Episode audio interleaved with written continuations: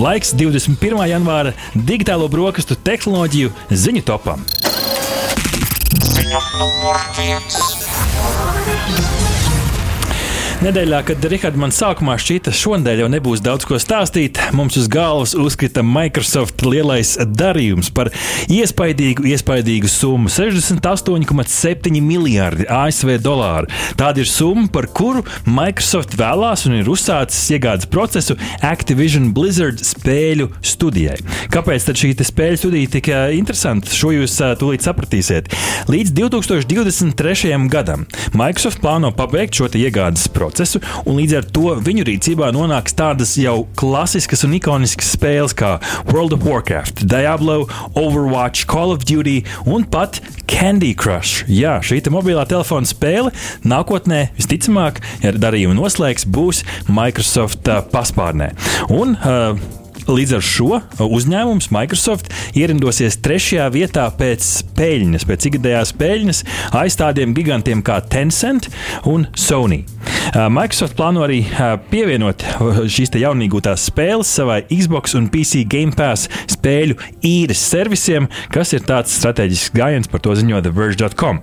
Darījums arī izvirzītu Microsoft tādā mobilo spēļu izstrādes priekšgalā, kā reiz nesen Rihards stāstījām par Take Two Interactive uzņēmumu, kas plašāk iespējams pazīstams ar NBA 2K basketbola spēli un populāro Grand Theft Auto spēli. Viņi par 13 miljardiem iegādājās Farmwell, tāda fermas uh, mobilā spēlīte, izstrādātāja Zinga. Uh, līdz ar to spēle Candy Crush, eh, kur ietilpst Activision portfelī, ir patiešām tāds gards kumos un veids, kā viņi arī izvirzīsies mobilo spēļu priekšgalā. Eh, ja pēc Sensor Tower datiem, starp citu, Candy Crush kopš saviem pirmsākumiem ir ienesuši 7,1 miljārdu ASV dolāru. Jā, klausītājs 60, gandrīz 69 miljardi ASV dolāru. Tā ir tiešām ļoti nopietna summa un tīri, lai vienkārši salīdzinātu. Nu, piemēram, 2016. gadā Microsoft iegādājās LinkedIn, kas ir principā viens no lielākajiem profesionālajiem sociālajiem tīkliem pasaulē, un samaksāja par to nu, uz šīs summas fona nieka 26 miljardus ASV dolāru. Pat vairāk, vai ne? Jā, jā, tas nozīmē to, ka spēļu industrija tomēr ir milzīga industrija un, nu, acīm redzot, arī šīs kompānijas gan vērtīgas. Nu, piemēram, Xbox Game Pass servisam jau šobrīd ir 25 miljonu abonementu. Nu, Bez šī darījuma jau ir 25, līdz ar to man šeit ir tāds strateģisks gājiens jātur līdz Playstation. Un jāņem vērā arī, ka šai te, nu, kompānijai, kas tiek iepirkta, ir gan plašs ar mobilo spēļu piedāvājumu piedāvājums, jo Candy Crush ir tikai viena no mobilo spēļu veiksmes stāstiem, kas tiek eh, piedāvāts. Nu, teiksim, Activision portālī ir arī Call of Duty mobilā versija, un uh, Blizzard plāno izveidot arī Diablo mobilo versiju. Es domāju, mm -hmm. ka daudzi uh, nu, 35, 40 gadu vecie jaunieši atcerās savu bērnību, kad spēlēja Diablo arī uz datoriem. Un, kop, kopumā Microsoft impērijas spēļu atzars sastāv no divām lielām grupām. Tātad viena ir šī Xbox Game Studios, un otra ir Zenimax Media un Bethesda Bethesda Softworks. Abās grupās šobrīd strādā 23 dažādas spēļu izstrādes komandas. Un, nu, tā tad gan paši izveidotas, gan arī iegādātas. Tā, kā, nu, tā tiešām ir milzīga industrija, un arī šogad es zinu, ka nāks arī uh, vismaz viena ļoti liela spēle ārā no Bethesda, uh, ko mēs visi noteikti gaidām. Ziņa numur divi. Šis gads sācies ar daudz jaunumiem vietpulksteņa kategorijā.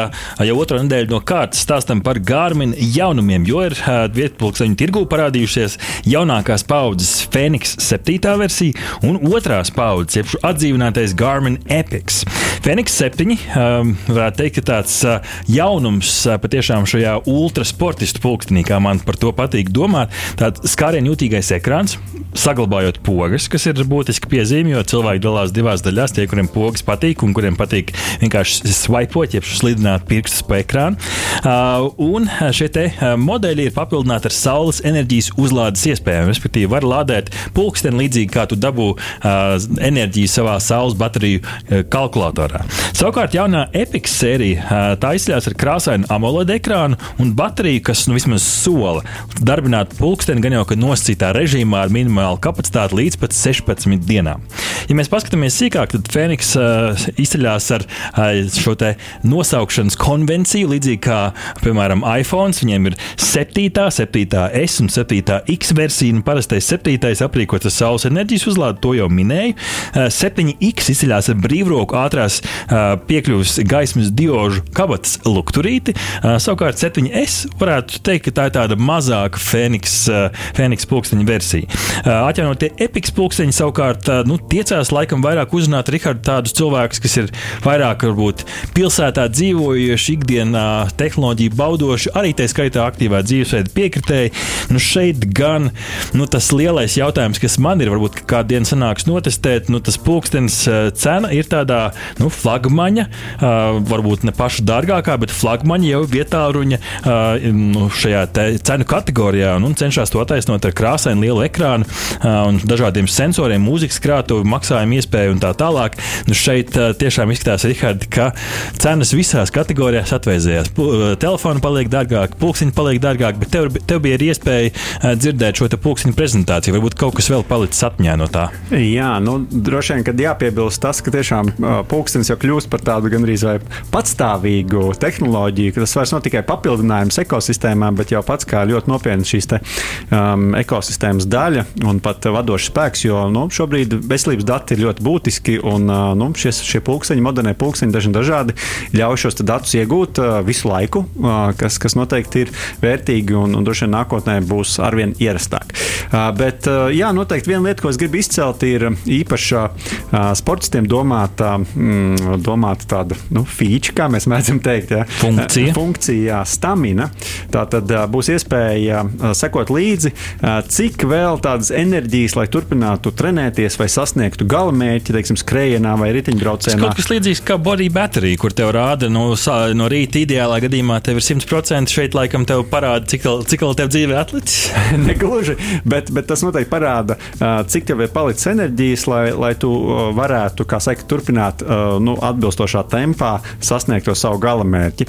Jo nu, tajā brīdī, kad mēs sevi, kā saka, pārāk daudz noslogojam, tad nu, vienkārši mēs varam netikt līdz mm -hmm. finišam.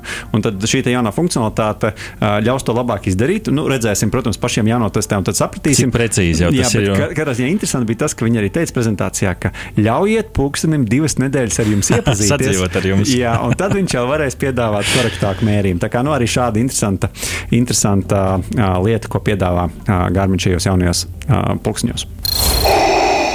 Ziņa numur 3. Ziņa šeit pat no Latvijas. Konstatēts mēģinājums 17. janvārī mētiecīgi pārslogot centrālās laboratorijas IT sistēmas, kas radīja īslaicīgas piekļuves problēmas mājaslapas informācijas ieguvēja un arī pierakstu iespējami tīmekļa vietnē. Līdz ar to veidojās arī pārslodze zvanu centrā, jo loģiski cilvēks nevar atvērt mājaslapu, ko dara cilvēks, paņem telefonu un zvan. Līdz ar to um, uzbrukumu gan izdevās operatīvi novērst, un lietotāju dati nav skarti, kas ir būtiska uh, piezīme. Mēs arī sazinājāmies ar citu ar CERT, kas ir centrālā federālā iestāde Latvijā, kas uh, sako līdzi, palīdz novērst un arī, gan jau arī cīnās ar šādiem uzbrukumiem, palīdz ar iestādēm un uzņēmumiem ar šo cīnīties. Un, uh, viņi komentēja, ka, lai gan par šo konkrēto gadījumu izmeklēšanas dēļ vēl nevar neko sīkāk komentēt, uh, taču kopumā šādi uzbrukumi, uh, piekļuvis lieguma uzbrukumi, kas nu, angliski īsais saīsinājums DDoS uzbrukumi, valsts un pašvaldību iestādēm, kā arī privātā sektora uzņēmumiem un organizācijām notiek katru dienu, un tas no vienas puses nav nekas unikāls. Parasti tikai gala lietotāji šos uzbrukumus neizjūt, jo vairākumā, vairumā gadījumu tie no interneta pakalpojumu sniedzēja puses tiek veiksmīgi nobloķēti. Vainīgo atrašana un notvēršana šādos gadījumos ir sarežģīts, dārgs un laika ietilpīgs process, kura izmeklēšanā vienlaicīgi nepieciešams sadarboties vairāku valstu uh, varas iestādēm. Paldies arī CERT par komentāru par šo situāciju, vismaz par šī uzbrukuma veidu. Jā, un droši vien paturpinot tavu domu, CERT arī piebilda, ka šos DDoS uzbrukumus var nu, risināt ar, ar tādu globālāku pieeju. Tas nozīmē, ka jāizstrādā labās prakses standarts vismaz Eiropas līmenī. Un tādā veidā novēršot iespēju izsūtīt šīs vilsot, viltotās tīkla paketes, jeb nu, angļuiski sauc to sauc par IP spoofing, nu, kas ir lielākās daļas DDoS uzbrukuma pamatā. Un tas ļauj samazināt arī resursu uzturēšanas izmaksas uz DDoS aizsardzības risinājumu rēķinu, kas ir vienmēr būtiski. Un, nu, te ir jāpiemina, ka centrāla laboratorija ir viens no lielākajiem SARS-CoV-2 paraugu testu veicējiem Latvijā. Līdz ar to nu, mums šobrīd noteikti ir svarīgi, lai saka, tas, šī laboratorija var funkcionēt turpmāk arī bez problēmām, jo pieprasījums pēc testiem ir ļoti augsts šajā periodā. Tiek veikta vairāk nekā 5000 testu dienā. Mēs arī nu, droši vien pēdējās dienās dzirdam ziņās, ka, ka cilvēki pat ļoti ilgi gaida testu rezultātus, jo vienkārši uz testu pieņemšanu ir milzīgs rindas. Jo nu, šobrīd Omikrons uzsāk savu tādu plosīšanos Latvijā, un līdz ar to ir svarīgi, lai laboratorija var strādāt. Savā ziņā tāds hibrīda kara paveids jau patiesībā uzbrucis vienai mājaslapai, un no vienas puses panika lielā daļā iedzīvotājs, kas cenšas šo mājaslapu atvērt. Kā, labi, ka novērs un labi, ka dati katrā ziņā nav skarti. Tieši tā. Ceturtā ziņa nedaudz vieglāka. Mēs te par omikroniem un par pasaules hakeru uzbrukumiem šeit vieglāka ziņa patiesībā pārsteidzoša ziņa, cik mūsdienās ātri var kļūt stāvs bagāts. Kāds 22 gadus vecs jaunietis Indonēzijā kļuvis par miljonāru pārdodot savus pašbildes, jeb šos selfijas, kā NFTs platformā OpenSea. Datorzinātņu students Sultāns Gustavs Al-Džozalī piecus gadus vecumā no 18 līdz 22 gadiem taisīs pašbildes, lai fiksētu savus vizuālās pārvērtības ceļā uz absolvēšanu. Tas, nu, vienas puses tāds patīkams veids, kā vienkārši iemūžināt savu, savu novecošanu. Taču, parādoties NFT, Džozalī saredzēja potenciāls peļņas iespējas un līdz pērnā gada nogalē pārdevis es teju tūkstošu NFT selfiju par vairāk kā vienu miljardu dolāru. Par to stāsta portāls Kursors. Bildes lielākoties uzņemts vienkārši sēžot vai stāvot pie sava datora. Vēlāk tās pārveidotas par NFT un augšu pielādētas šajā te OpenSea platformā pērnā gada decembrī. Sākotnēji par vienu bildi Džozalī vēlējās 3 ASV dolārus, negaidot nopietnu pircēju interesi. Taču pateicoties Twitter kaut kādam šādam te fanu atbalstam, jauniešu popularitāte strauji pieauga un 14. janvārī vienu no saviem selfijiem Džozalī notirgoja par aptuveni 800 ASV dolāru. Rihard, kas pasaulē notiek? Jā, nu, te gan jāpiemina, ka nu, nu, pirmkārt, interesants ir stāsts par to bilžu secību. Var sakot, nu, tiešām cilvēks ir bildējis ļoti bieži sevi, lai redzētu šīs izmaiņas. Bet otrs, ka nu, katrai, pie, katrai bildei ir kaut kāda pievienotā vērtība, un viņš dod līdzi arī aprakstu, jeb stāstu, kas saistīts ar konkrētu attēlu. Tātad, mm. nu, kas tajā dienā ir noticis ar viņu, un nu, tas iedod kaut kādu papildus. Bija laikam kāds piemērs tur ar to, kad uh, sākās Covid pandēmija, un tad, nu, kā viņš izskatījās tajā konkrētajā dienā. Nu, lūk, tieši tā. Un, uh, starp citu, līdz šim lielākā summa, ko Džozalī saņēmis par savu selfiju, sasniedz 3000 ASV dolāru. To šķiet, tu jau arī, uh, arī minēji, bet taču kopumā jā, nu, tas, tā summa, kas ir nopelnīta, ir gan iespaidīga. Un tas tikai liek mums visiem domāt, ka varbūt arī vērts mums pašiem padomāt, kā mēs ikdienā sevi iemūžinām vai kādu citu interesantu interesants lietas, kā saka, uzkrājiem, kurus varbūt vēlāk varēs pārvērst par šiem NFTs. Šī ir kaut kā tāda interneta tendence, jo es joprojām nevaru saprast, kas ir tas īpašais. Nu, cilvēks vienkārši, labi, īpašais laikam ir tas, ka tas ir bieži taisīts vairāk gadu garumā kolekcijā. Cik no, cik no mums ir to darījuši tā, ka mēs katru dienu, piemēram, es zinu, ka tu esi bildējis domu laukumu katru reizi, kad mēs izgājām ārā no, no digitālo brokastu raidījuma. Tagad atklājam man slepeno plānu par NFTs. Nu, jā, nu, cilvēkiem to failu nav, bet katrā gadījumā gadījumā tu arī jā, savā ziņā varētu taisīt NFTs un pārdot domu laukumu. Jā, nu tieši tā. Tā kā nu, gaidiet, gaidiet paziņojumus. Ziņa numur 5. ASV lielākie telekomunikāciju uzņēmumi ATT un Verizon saskārušies ar šķēršļiem C-band 5G tīkla izveidē. Līdzsabiedrības Emirates, Air India, ANA un Japan Airlines paziņojuši par vairāk lidojumu pagaidu atcelšanu uz ASV, pamatojoties uz iespējamiem traucējumiem, ko 5G tīkls varētu radīt tieši Boeing 777. lidaparātu versijai sliktu laikapstākļu gadījumā. Par ko ir šis stāsts? C-band 5G signāls varētu iejaukties radara altimetra darbībā, radot iespējamus drošības riskus. Kas ir altimetrs? Altimetrs ir ierīce ierīce, kura tā vienkāršā valodā sakot, ar radio viļņiem nosaka attālumu virs zemes, jeb cik augstu ir lidmašīna.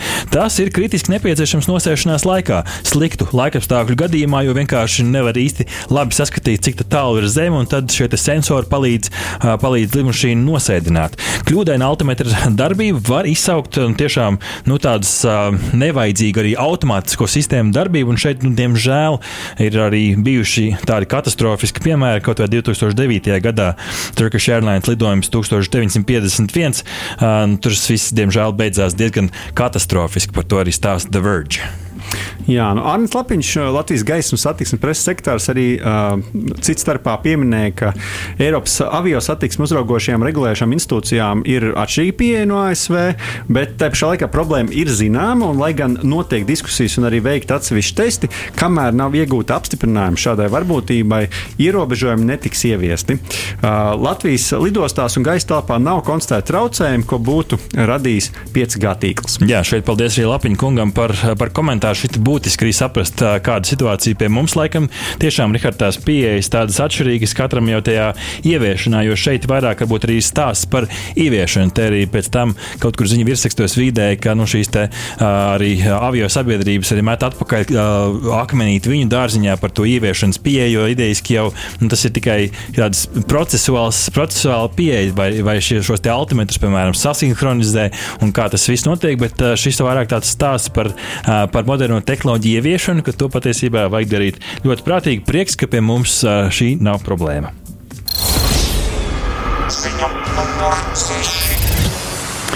Joshua Martin Gelī ir septiņus gadus vecs zēns no Vācijas, kurš veselības problēmu dēļ, diemžēl, nevar apmeklēt skolu. Tādēļ, Rihards, viņa vietā skolu apmeklēja robots, jeb precīzāk, robota galva līdz krūškurvim, kas atrodas uz skolēna galda un tiešais te pārraida attēlu un skaņu no mācību stundas. Pie tam Rihards ar gaismas signālu pat skolotāja var atpazīt, kurā brīdī mazais Joshua ir pacēlis roku. Citēji, bērni sarunājas ar viņu, smejas kopā ar viņu un pat dažkārt stundu laikā sarunājas. Džošī to spēja paveikt ļoti labi, atklāja Ute Vitsenberga, kas ir pieneņu pamatskolas direktore Berlīnē.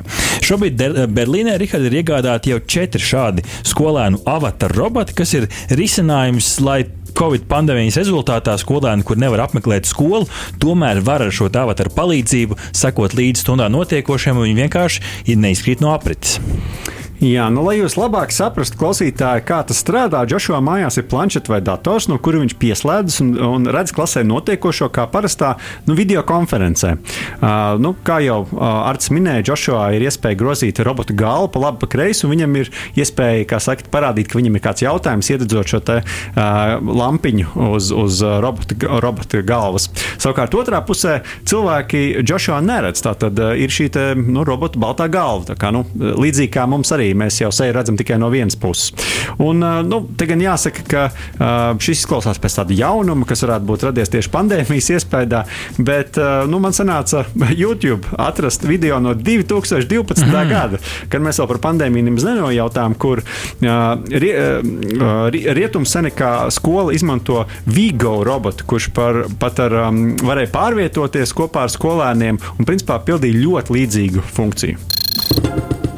Ziņa numur septiņi. Jetson One ir tehnoloģija jaunu uzņēmumu Jetson sportiskais un vieglais lidkopters, kuru beidzot uzņēmums ir piedāvājis iepriekš pašsūtīšanai. Uh, Stokholmā veidotais lidaparāts ar vienu sēdekli, vienkāršu un atvērtu lidotāju kabīni un bateriju un astoņiem elektromotoriem spēja lidot pat 20 minūtes. Iepriekšējā uh, lidošanas pieredze šķietami nesot nepieciešama, kā viņi paši arī izceļ, tad viņi ir pārliecināti, ka spēs jebkuru iesēdināt Jetson lidaparātā un piecās minūtēs iemācīt lidot. Uh, un ASV šim lidaparātam lidaparātam, starp citu, nav nepieciešama pilota licence, jo tas sver mazāk par 110 kg un attīsta ātrumu līdz 100 km/h. Tā stāsta Sīnete. Jā, nu, vai arī Jetson One varētu tā brīvi lidot arī Latvijā? Jautājām civilās aviācijas aģentūrai. Tur ārkārtas situācija un komunikācijas vadītājs Aivis uh, Vincevs teica, tas nav bezpilota gaisa kuģis, jo pilots atrodas gaisa kuģī. Un, pat ja to vadītu attālināt vai lidaparāts veikt pilnībā autonomu lidojumu, cilvēku transportēšana ietilptu certificētajā kategorijā, uz ko principā ir attiecināmas pilotējums aviācijas prasības. Nu, kas nozīmē, ka nu, piecās minūtēs nevarētu sākt ņemt šo lidaparātu lidot Latvijā. Ziņa numur 8. Kravu pārvadāšanas uzņēmums FedEx 19. gadā pieprasīja ASV Federālās aviācijas administrācijai atļauju aprīkot savus Airbus lidmašīnas ar speciālu lāzeru aizsardzības sistēmu, Richard, kas spētu novirzīt raķetes no to trajektorijas. Kā stāsta kursors, sistēma būtu paredzēta tieši raķetēm, kuras vadās pēc siltuma. Līdz ar to šis lāzerīts, šīs lidmašīnas virzītu projām no FedEx, FedEx lidaparātiem. Kā gan vēlāk rakstīja The Verge, tad šī administrācija ar krietnu laiku nobīdi pieķērās šim jautājumam un tikpat ātri arī noraidīja līdz ar to šī infrasarkno lāzera pretieciena sistēma. Diemžēl, vai par laimi, es nezinu, kā šo vērtēt. FedEx lidmašīnās tomēr nebūs. Bet redz, kā mēģina novirzīt uh, raķetes ar lāzerīšiem. Jā, nu, šī, protams, neka, nav nekas, tas nav nekas jauns, jo uh, principā nu, ASV šāda aizsardzības risinājuma jau kādu laiku tiek attīstīta. Un es pieņemu, ka arī citās valstīs. Kit? Kit, talk to me! Elektroautomašīnas Tesla zīmols aizdējušo nedēļā piedzīvojis tādus divus publiskus triecienus. Pirmkārt, Svētdienas New York Times izdevumā nevalstiskā organizācija The Dawn Project bija Richard publicējuši reklāmu ar tādu skaļu uzrakstu Neesi Tesla triecienu testelēli. Un otrkārt, šonadēļ Kalifornijā izvirzīts divas prasības pret kādu privātu personu Tesla šoferi, kurš 19. gadā izmantojot autopilot sistēmu, ietrietās citā automašīnā, nogalinot, diemžēl, divus pasažierus. The Dawn Project, kā raksta TechCrunch, ir nesen nodibināta nevalstiskā organizācija, un tā cenšas izskaust šādu programmatūru, nu, iespējams, patvaļīgu vai tādu nu, kritisku seku uh, sekas. Uh, un šis full self-driving režīms ir atšķirība autopilot, kas ir tāda, nu, šķietami palīdz braukšanā. Šis jau ir pilnībā pas, pašbraucošais režīms. Uh, šis jau YouTube vidē ir bieži kritizēts, bet nu, šeit Elonas Masks Twitterī vienkārši šo apgalvojumu noraidīja pēc, nu, pēc viņa, viņam rīcībā esošās informācijas informācijas, kopš šis režīms palaists, neviena tāda kritiska, kritisks trūkums nesot bijis. Jā, nu, protams, mēs no savas puses nevaram spriest, kur konkrētajos gadījumos ir vainīgi, bet vienalga, vai vadiet Tesla vai Moskviču, rokas uz stūres, acis uz priekšu un nesēdiet telefonā. Ziņa. Un visbeidzot, digitālajās brokastīs Austrālijā nomalā ceļa malā no Adelaides uz Pērta elektroautomašīnu uzlāde uh, tiek veikta pateicoties izlietotajai cepamajai eļļai ar biouzlādes staciju. Ierīces izmanto eļļu, kura cepšanā vairs nav izmantojama. Tā gan efektīvi uh, tiek pielietota, lai radītu elektroenerģiju uh, šajā di sākotnēji dīzeļa elektroenerģijas radīšanas ierīcē, kas speciāli pārveidota. Uh, jā, patiešām dīzeļa ģenerators tā ir sirdī 20 litri, kas ir aptuveni tas, ko viena šāda nomaļa kafejnīca saražo nedēļā. Un rezultātā uh, tiek radīta ātrās uzlādes stacija, kas ir būtiski piebilde, kas var uzlādēt elektroautomašīnu uh, pats stundas laikā. Nu, kamēr šie paneļi un baterijas vēl ir dārgs risinājums, pirmšķietami šie te esot daudz lētāki risinājumi, līdz kaut kas efektīvāks nonāk šo tirgu. Jā, nu minēt, minētais ceļš patiešām ir nomeļš un garš brauciens aptuveni 2700 km, 29 stundas automašīnā pēc Google Maps datiem. Nu, bez vairākām uzlādēm šeit tiešām neiztikt.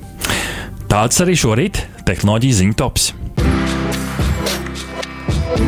Aha! Paldies, ka noklausījāties mūsu līdz galam! Ja patika, uzspiediet laiku, atstājiet komentāru vai padalieties ar draugiem. Un nobaudiet arī citas epizodes, kā arī sekot mums, lai nepalaistu garām savu ikdienas tehnoloģiju ziņu devumu.